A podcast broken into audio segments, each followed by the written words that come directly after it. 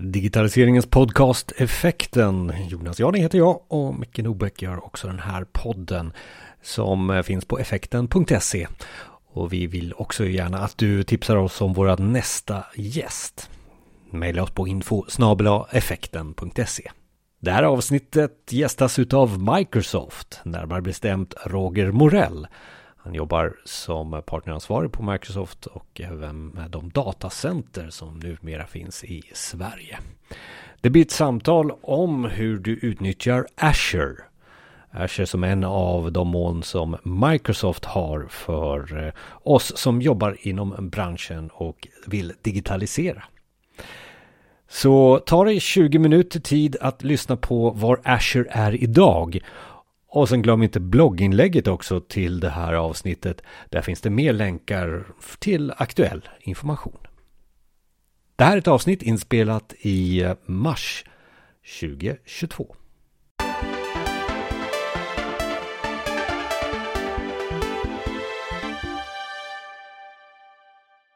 Podden är mer nyfiken på moln och molntjänster och specifikt Azure så bjuder vi in Roger från, från Microsoft. Välkommen! Tack. Eh, Roger, eh, Azure heter Microsofts eh, molntjänster och, och, och molnplattform. Men, men om jag fick ställa frågan, vad, vad är Azure för, för dig då? Vad, vad, vad, skulle du säga då?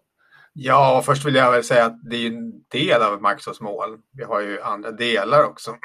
men Azure för mig som har jobbat med IT ganska länge, det är ju helt enkelt en, det är en plattform eh, där det finns ett väldigt stort antal tjänster idag som, som, som medger att kunderna helt enkelt får, ja, det vi kallar det ju digitalisering idag, den digitala miljön. Att de digitala miljöerna utvecklas och förvaltas effektivare än vad man kan göra i en traditionell miljö. Och med traditionell miljö menar jag då det vi normalt sett har i datahallar idag, det vill säga virtualiserade servrar i väldigt stor mängd. Azure innehåller, det är en plattform för att helt enkelt bygga digitaliseringen vidare om man ska hitta något kärnfriskt. Ja, och det, för många går väl kanske eh, inte till det svaret utan de går till liksom det, det, det, tekniska försprång, alltså det tekniska komponenter eller det är programmering. Eh, eh så. Det är inte där du vill highlighta först hör jag här på ditt, på ditt svar. Men allt det där ingår ju i digitalisering. Eh, digitaliseringen är ju en himla massa kunskaper om människor, tekniker och rörliga delar eh, på skalan ifrån mer avancerade moln eh, liknande till ganska samma som vi gör on-premises som det heter. Och, och, allt det måste ju tas med i digitaliseringen om det ska fungera. Det går inte bara som, liksom, det är väldigt, blir väldigt konkret när du kommer till Azure och Azure innehåller stöd på alla nivåer skulle jag säga för, för den som kommer med ett visst behov i sin digitaliseringsresa. Vad skulle du, vad skulle du säga det, det, mest, det mesta av de tjänsterna finns, som finns i Azure? Vilken kategori tillfredsställer det mest då? Ja, ja det är återigen, alltså du, ja, men vi, får nästan, vi får nästan stycka elefanten. Eh, och dels är det ju så, så som det ser ut hos kunderna idag on premises är att det är väldigt mycket servrar därför att man har använt X86-servern så att säga som en, en, en låda. Jag vill inte säga container för det blir sammanblandning med containers, men en låda för en applikation som gör någonting. Och de, sen har man byggt sina tjänster på det sättet. Eh, och det har fungerat ganska bra, men det är ganska trögrörligt. Men det många kunder gör initialt för att det går liksom inte att säga att här har vi 1000 eller 500 applikationer hos en kund. Vi ska skriva om allting innan vi flyttar till molnet. För dels är det ju så att kanske ehm, 20% ska läggas ner, ehm, 60% ska vara som de är. Det är kod som fungerar bra. Och jag brukar säga det också att bara för att vi kallar för någonting för legacy betyder inte att det är dåligt. Det finns massor med kod i Sverige som snurrar och fungerar jättebra och som vi vare sig har råd eller tid eller, eller anledning till att skriva om. Så den måste ju tas om hand som den är eh, i Azure och det har vi därför att vi har, och det kan vi göra därför att vi har en full service IAS som det heter, men vi har möjlighet att ta emot virtuella maskiner, både Linux och, och, och Windows eh, och, och, sätta upp nätverk etc. etc. det som kunderna behöver. Ja. Så, att, så att en flytt till molnet som man oftast brukar prata om och har pratat om i flera år, eh, det behöver inte innebära att vi måste göra om, utan det kan till och med vara att man fysiskt gör den här flytten utav, du nämnde någon Windows-server och så, så flyttar man in den i, i, i molnet eh, också. Så det är en... Ja, och, och till och med som vi har nu, att vi helt enkelt erbjuder eh, VMware-servrar eh, i, i, så att säga, för kunderna i Azure, eller i praktiken det är i VMware-miljöer eh, som, som, som är kopplade till Azure men kan hanteras av oss och du betalar en, en löpande kostnad till oss. Men det är också någonting som kunderna är väldigt intresserade över för det, det innebär att då kan de göra verkligen använda, bara jobba med sin VMware-teknik men de använder oss som datahall och, och vi gör också ja, vi automatiserar en hel del saker så att det blir billigare på det sättet för kunden och kostnadsbilden blir så att väldigt, väldigt eh, populärt hos en viss typ av kunder. Så det, det finns hela spektrat. Eh, eh, och om man inte hittar något, då får gärna prata med mig. inte för att jag kan lägga till det, men jag är intressant och intresserad av att höra. Ja, och det, det, är intressant att du säger, säger det. Jag, jag, har nämligen två frågor där på, på tillägg. V, vad skulle du säga? Jag diskuterar lite med mig själv. Hur länge har Azure funnits? Mer än tio år eh, tror jag nog. Eh, va, va, men vad är det, det, det de senaste de närmaste åren som du har sett, du har ju varit med ett tag, vad, vad har hänt i Azure som, som har tillförts som är nytt som du säger att det där känns som en väldigt ny sak och det där känns väldigt bra för någon kategori. Vad, vad skulle du säga så här spontant? Ja, men jag skulle väl säga att alltså, dels är det ju så att vi börjar ju, Microsoft är ju ett plattformsbolag och i och med att det är en global plattform så ser vi ju mönster. Det vill säga att många företag kanske sätter ihop saker på ett visst sätt. Um, och då ser vi ju också att vi kanske kan bygga även i Azure mer högnivåtjänster som i, som i sin tur består av flera andra tjänster. Till exempel har vi något som heter Virtual WAN som är en service för att, för att bygga ett globalt, global, sitt företags globala nätverk ovanpå Azure och Microsoft Network. Då bygger man helt enkelt ovanpå Microsofts, ja, Microsofts nätverk. Eh, och det är någonting som kunderna börjar anamma nu för att göra det traditionellt var både dyrt och krångligt och svårt. Eh, det kan nu i princip, vilken, det krävs ju kunskap naturligtvis. Men, så det, och det, likaså inom IoT-området, det har ju funnits ett tag nu, det finns en tjänst som heter IoT Central Eh, som, som helt enkelt är en, nästan en SAS-tjänst för IoT-kunder som inte, kanske inte behöver liksom skruva på varenda grej utan man, man nöjer sig med att jobba så att säga i en, i en, eh, i en template eller i en mall som är relativt flexibel men ändå är ett sätt att göra det och då, då kan man väldigt fort och väldigt kostnadseffektivt få igång en miljö som ger väldigt, väldigt mycket i sig. Uh, så att, så att, så att i, jag tror att vi ser det här på alla områden. Eh, att, att jag brukar säga att tid, det är hela tiden stigande tid, vatten, abstraktions, abstraktionsnivån höjs hela tiden. Uh, och det är bara nytta för, för det innebär ju då att uh, man får mer gratis som kund eller som applikationsutvecklare. Du behöver inte övertänka saker. Alla behöver inte uppfinna hjulet själva. Eh, för det blir väldigt ineffektivt för företagen. Jag tror att vi har sett en, det är min personliga spaning, men jag tror att det, jag, jag tror det är väldigt mycket variation idag när vi ser val av utvecklingsmiljöer, val av plattformar etc. Det kostar ju naturligtvis också. Det driver innovation, men, men det finns ju baksida. Det finns väldigt mycket att välja mellan, så det kan också det bli problemet i slutändan. Ja, det är kanske inte allmänt problem, men, ja. Mm. Och vi är väl, det är väl en del av det problemet också, men det jag ser och det som jag tror man ska hålla ögonen på i Azure, det är just de här, jag vill inte kalla det för paketeringar, men de här mer högnivåtjänsterna som gör, ger dig mer till en mindre administrativ kostnad och en ad, mindre administrativ huvudvärk. Och någonstans här, om vi tar det lite vidare och tar det till eh, alltså vad du har sett har rullat, om man får kalla det så, i Azure som, som är Eh, kunder som har utnyttjat Azure på, på ett framgångsrikt sätt? Är det något sådär, ja men det där var en bra utnyttjande utav, eh, av våra tjänster. Ehm, har du några sådana exempel? Goda exempel? Mm. Det är så, jag kan inte prata om specifika kunder, men, men vi, vi vet ju till exempel att det är just det jag pratade om, lift and shift, som, som låter lite tråkigt. Men det, vi har ju väldigt, väldigt många av våra stora kunder idag som har tagit policybeslut att allting ska flyttas till Azure. De vill inte hålla på med datacenter längre. Och, och det låter, det är naturligtvis ett stort jobb att göra, men, men, men de migreringarna är väldigt framgångsrika och kunderna blir väldigt nöjda efteråt. Ehm, och det som är stora fördelen där är ju att ja, men då är du i Azure och då slipper du massa saker eh, som du traditionellt måste tänka på om premises oavsett om du är outsourcad eller inte, du måste ändå hålla på med outsourcingkontrakt eller avtal för datacenter, så många tunga beslut och så vidare. Det slipper du. Eh, och då kan du fokusera på, ja men hur, nu, nu är vi i molnet, hur ska jag göra med nästa steg då? Och då ser vi också då att det första, första väldigt framgångsrika steget, det är att göra så att säga eh, en övergång till, till PAS-tjänster som fungerar väl ihop med IAS. Till exempel så kan man titta på um, om, om du kör en massa databasservrar så kan du fundera över behöver jag det eller kan jag nyttja databas som tjänst istället?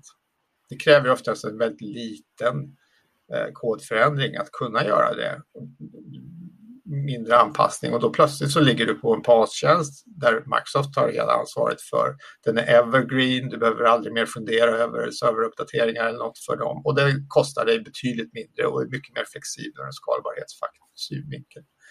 Um, ehm, så där, alltså man, där är de generella stora penseldragen. Um, Sen är det ju, tycker jag, också stora framgångsfaktorn och då kliver vi lite utanför Azure faktiskt. Men, men det som växer väldigt mycket just nu i organisationer det är ju det här som kallas för low code och no code. Alltså man tillhandahåller både för utvecklare som jobbar väldigt nära verksamhet men även verksamhet själv möjligheterna att bygga processautomationer eh, och till och med plugga in AI etc. Eh, det här ser vi ju växer ihop nu hos de företag som, som, som så att säga eh, förstår att de ska dra nytta av båda sidorna. Det är lätt att det uppstår ett krig i en sån situation därför att det är otäckt för, för IT och så vidare som ska upprätthålla säkerheten. Men här finns det idag verktyg för att hjälpa till med det. De som lyckas bäst är de som omfamnar det här för att, att det inte skulle hända. Eh, det, det ser jag som helt osannolikt. Jag ser det som nästa steg helt enkelt. Du nämner, du nämner större lösningar, större företag, men om jag är en, eh, ett medelstort företag eh, och, och ska utnyttja kraften i, i molntjänster, Azure och sådär. Vad har du sett för exempel där som, som är enkla också, så här, eh, lågt hängande frukt för ett medelstort företag? Godtycklig då storlek. Ja, man kan säga att alla företag idag har ju någon form av presence på internet. Och där kan ju de, de, de den körs ju kanske idag hos någon traditionell leverantör. Den kan ju väldigt lätt flyttas till, till de mer anpassade eh, plattformarna för att serva webbapplikationer. Det är inte någon stor sak och då det som du får, ett, även ett sådant företag, och det är ett väldigt litet företag, det är du kan ju Dels får du ju ett implicit skydd av att vi skyddar plattformen i sig, men, men de här adderande skydden i Azure är inte lika dyra som de är traditionellt som, att, som DDoS-skydd och så vidare. Du, du blir säkerhetsmässigt, och det har ju seglat upp väldigt mycket, att det blir bara viktigare och viktigare. Eh, säkerhets, säkerheten är, jag ska inte säga enklare, men den är mer lösbar i Azure än vad det ofta är on-premises. Och vi har ju också eh, resurser, resursproblem när det gäller kompetens inom säkerhet. Så det är ju också en sån där som man kan få på köpet som kanske ja, man inte tänker på. Ja, där säger vi att automation är, och det, det, alltså nu har ju Microsoft klivit upp som en, en, en, en stor säkerhetsspelare global. Så att där, där, alltså du, kom, du kommer med så mycket bara för att du kliver över i en plattform som Azure. Eh, det är även efterlevnad i form av compliance och ISO. Det är säkerhet. Eh, men det är också skalbar, alltså flexibiliteten som du inte har annars. Eh, och den måste man ju, alltså det är nästan, det är nästan eh, vad säga, grundbulten i ett hyperscale-moln som Azure, det är ju att du ska ju bara, du ska ju bara betala för det, behö det du behöver. Det är nästan omöjligt att uppnå utanför. Men hos oss är det ju så. Du ska fundera över vad du behöver och så köper du det när du behöver det. Eh, och om man pratar mindre företag som kanske säljer saker, då har vi Black Friday-scenariot som är alldeles utmärkt. Du behöver inte fundera över att sätta upp, sätta upp eh, vad heter det, en, en, en kölapp på din webbsida när det har kommit för många, utan du bara skalar upp till det behov du har och veckan efteråt så skalar du ner igen. Eller det kan göras ännu mer dynamiskt, men, men det går att göra även om du har en traditionell miljö som snurrar på servrar så kan man skala den eh, och köra väldigt mycket kapacitet i en vecka. Men sen tar du ju bort den kapaciteten och har en mer normal kapacitet. Så det går att få det från automatiskt till, till, till relativt handpåläggning men ändå lösa den här ekvationen. Så många, jag tror många, förlåt, ja, men många tror att det är väldigt avancerat att göra sådana här skalor, sånt här, men det, det, behöver inte vara det. Det räcker bara att man tänker lite. Precis, lite dra och släpp så här kan en del Ja, framför, framförallt om du har förutsägbara variationer. Mm. Ja, det, det, det, blir ju ofta så här i, i, i en traditionell miljö att ja, jag ska sätta upp ett system eh, eh, tre gånger om året eller en gång varje kvartal så kommer vi behöva tio gånger kapaciteten. Och så gör man ett investeringsbeslut eh, och så får man fem gånger kapaciteten, vilket innebär att eh, nästan alltid så kör du med överkapacitet och sen när, när det ändå smäller, då har du för lite kapacitet ändå. Och allt blir trögt och alla blir arga.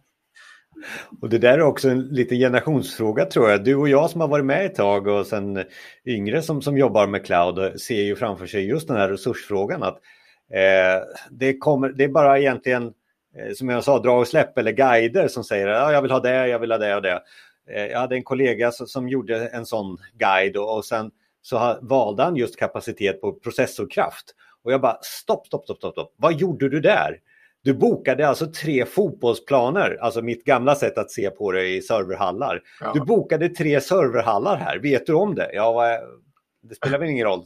Alltså det, ja, det blir en annan abstrakt nivå också när man jobbar med cloud. Så. Ja, mm. precis, exakt. Nu har vi landat också i Sverige. Har vi inte alltid varit i Sverige med, eh, med eh, Azure och, och, och Microsoft? Eh, vad, vad, är det som har hänt då, Roger? Här? Ja, men det, som, det som har hänt, alltså Azure har ju funnits tillgängligt för svenska kunder, men då har de kanske valt att lägga sig i till exempel Amsterdam eller eller Dublin. Nu har vi en region som det heter på Azure-språk, eller vi har två regioner, men vi har en region som är huvudregionen i, eh, och den heter Sweden Central eh, och den finns fysiskt i Sverige med data Trust i Sverige. Eh, och den är på tre zoner som vi också kallar det i, på Azure-språk. Så att den, finns alltså på tre platser centralt i Sverige. Och de, de, de platserna konceptuellt betraktar man som en zon, eller som, som en region, förlåt. Blir det snabbare, bättre? Vad, är skillnaden då från, från att jag bokade i Irland, Amsterdam eller vad det nu är? Först och främst är det hållbarhetsperspektivet därför att de här körs ju på förnyelsebar energi, eh, 100 procent. Um, vilket är fantastiskt. Det, det, nu har vi, vi sagt att 2025 så ska alla våra datacenter köras på förnyelsebar energi, men Sverige är i alla fall ett av de som just nu har guldstjärna på det området. Um, det vi också, man också kan göra det är ju att använda någonting som heter eh, Emissions Impact Dashboard som kund. Där kan man då se en, få en återrapportering på vilken typ av CO2-utsläpp man, har, man gör om man ligger i Azure. Det får man ju från Amsterdam också, men man kommer då se att Sverige är bättre på ekvivalent last. Så hållbarhet är ett sätt. För många företag är det viktigt med att eh, datat ligger inom Sveriges gränser. Eh, juridiken oaktat, men bara för att det gör det är viktigt för många. Eh, så att ehm, det ska man inte underskatta. Ehm, sen late, alltså tillgänglighet och latency, visst det är lite snabbare men samtidigt det för vanliga IT-system är inte det, det där generellt sett något problem. Det fungerar precis lika bra ner till Amsterdam som i Sverige. Så jag vill inte överbetona det. Men sen är det ju kunder med specialkrav, finansiella industrin och så vidare tycker det här är väldigt intressant. Um, ja, sen, är det ju, jag pratar lite pris ofta, men, man, men det, man kan göra en prisjämförelse också. Det, den kan mycket väl bli intressant till Sveriges fördel. De som lyssnar vill säkert att eh, vi ska prata mer om den här juridiken och, och Sveriges gränser och sånt där. Jag, jag är lite sådär, vi, vi hoppar den idag. Ja, eh, just det här. För att, specialområde. Jag glädjande nog att det, det, är något preliminärt avtal mellan USA och EU på gång. Nu, så. Ja, vi, vi, vi, får ta det i ett separat eh, avsnitt helt enkelt. Men så här Roger på slutet. Eh, Okej, okay, eh, nu finns det ju flera moln och sådär. Men, men jag ställer frågan i alla fall. Hur ska jag lyckas eh, med, med Azure? Väldigt bred fråga, men hur, hur lyckas jag? Finns det någon sån här framgångs faktorer eller steg 1, 2, 3? Ja, först ska du ju fundera över vad du ska ha det till. Eh, det finns ju inget egenvärde i att bara flytta till molnet. Sen är det en väldigt stor fördel för varje företags digitaliseringsresa om man ska, att göra det. Men, men, man måste fundera lite över varför. Eh, och när man funderar så då råder jag att man tar hjälp av en partner till oss Eh, som, som, som har gjort det här många gånger med andra kunder för att då kommer man att komma snabbare fram och det gäller ju även i nästa steg när man faktiskt har bestämt sig för att flytta att, att göra själva migreringen för det är ju en, en engångshändelse. Det, det, är inte så mycket kunskap om man nu tänker sig göra det här själv för den egna personalen att sitta och göra det här. De, de kommer aldrig mer att göra om det så att det är bättre att ta hjälp av en partner eh, och vi har också något som heter Fast Track som stöttar eh, för att göra det rent transaktionella migreringen och hur man tänker kring de sakerna. Och vill man veta liksom den lite större processen här så finns idag något som heter Cloud Adoption, sorry, Frame, Cloud Adoption Framework från oss som är en otroligt omfattande material som, som, som stöttar en kund på hela den här resan inklusive vad man gör sen när man väl är i Azure. Hur förvaltar man och så vidare. För det är många beslut att ta. Så det skulle jag säga, börja där. Sen är det alltid från lätt till väldigt komplicerat beroende på hur miljöerna ser ut och hur mycket det är. Jag kan nästan lova nu att om du tar upp din podcastspelare så har vi, eh, Roger och jag, samlat i blogginlägget här lite just material och, och vad skulle du se framför dig i materialet som vi har gett ut i blogginlägget nu? Vad är det vad de kan läsa vidare om i, gällande Azure här? Ja, först så kommer det ju stå att det är en länk till det som heter microsoft.com learn. Eh, för att eh, där har vi väldigt, väldigt mycket material eh, och kurser, eller rättare sagt kurser för. Och, så, och de är idag väldigt, väldigt bra och kostar ingenting. Och är man lite gaming, gaming påverkad så räknas det också poäng när man går de här kurserna. Så, att, så att det är lite, eh, jag kommer också skicka med, det finns en, en, en um, Youtube-bloggare som heter John, eller vloggare heter det väl, som heter John Saville som har fantastiska videos vad det gäller Azure, otroligt pedagogisk eh, eh men också trevlig att lyssna på. Eh, den kommer jag lägga in och sen kommer jag då lägga in länkar till det här som kallas för Cloud Adoption Framework, men eh, också någonting som kallas för WAF, vilket är Well Architected Framework. Eh, och det här låter ju så förvirrande. Varför har Microsoft två frameworks? Jo, Cloud Adoption Framework kan man säga det är för IT-avdelningen som ansvarar för hela eh, företagets eh, moln, eh, molnmiljö. Och man brukar nästan idag kalla, kalla det för att företag bygger ett virtuellt datacenter i Azure. Cloud Adoption Framework är för det. Men i det här virtuella datacentret då måste du också ge miljöer på ett snabbt och effektivt sätt till utvecklingsteam som kommer att behöva röra sig relativt snabbt men ändå ha ganska stor, och ha ganska stor frihet. Well Architected handlar mer om utvecklingsteamets utmaningar och hur de ska tänka i en målmiljö. Jag hoppas att vi med det här avsnittet, Roger, har samlat en övergripande bild och även någon form av guide till börja där och hitta, gå vidare där. För det här är inget sådär ämne som man läser och lär sig på 20 minuter direkt. Nej, det är väldigt mycket och jag skulle säga att man, man behöver närma sig Azure med, med, med ett intent. Alltså, från ett, att tro att man ska kunna, jag kan, jag kan, jag, jag, så fort någon frågar mig om något så måste jag läsa om det, det är, för det händer så mycket hela tiden och det är så stort idag. Eh, men det jag vill också säga det är ju att idag så är inte det här något udda, det är inte något speciellt eller främmande. Men jag har respekt för att det kan kännas så om man inte är i molnet. Men det här är den nya normalen, att ligga i den här typen av miljöer för väldigt många företag eh, och organisationer. Så det är ingenting att vara rädd för. Det finns idag väldigt mycket stöd, eh, både från oss och från andra. Men som sagt, ta hjälp av partners, de finns där för just de här ändamålen. Med de orden så tackar vi så mycket Roger. Kontaktuppgifter till dig också här i bloggingläget förstås. Och så får vi höras lite längre fram säkert i podden. Tack! Tack själv!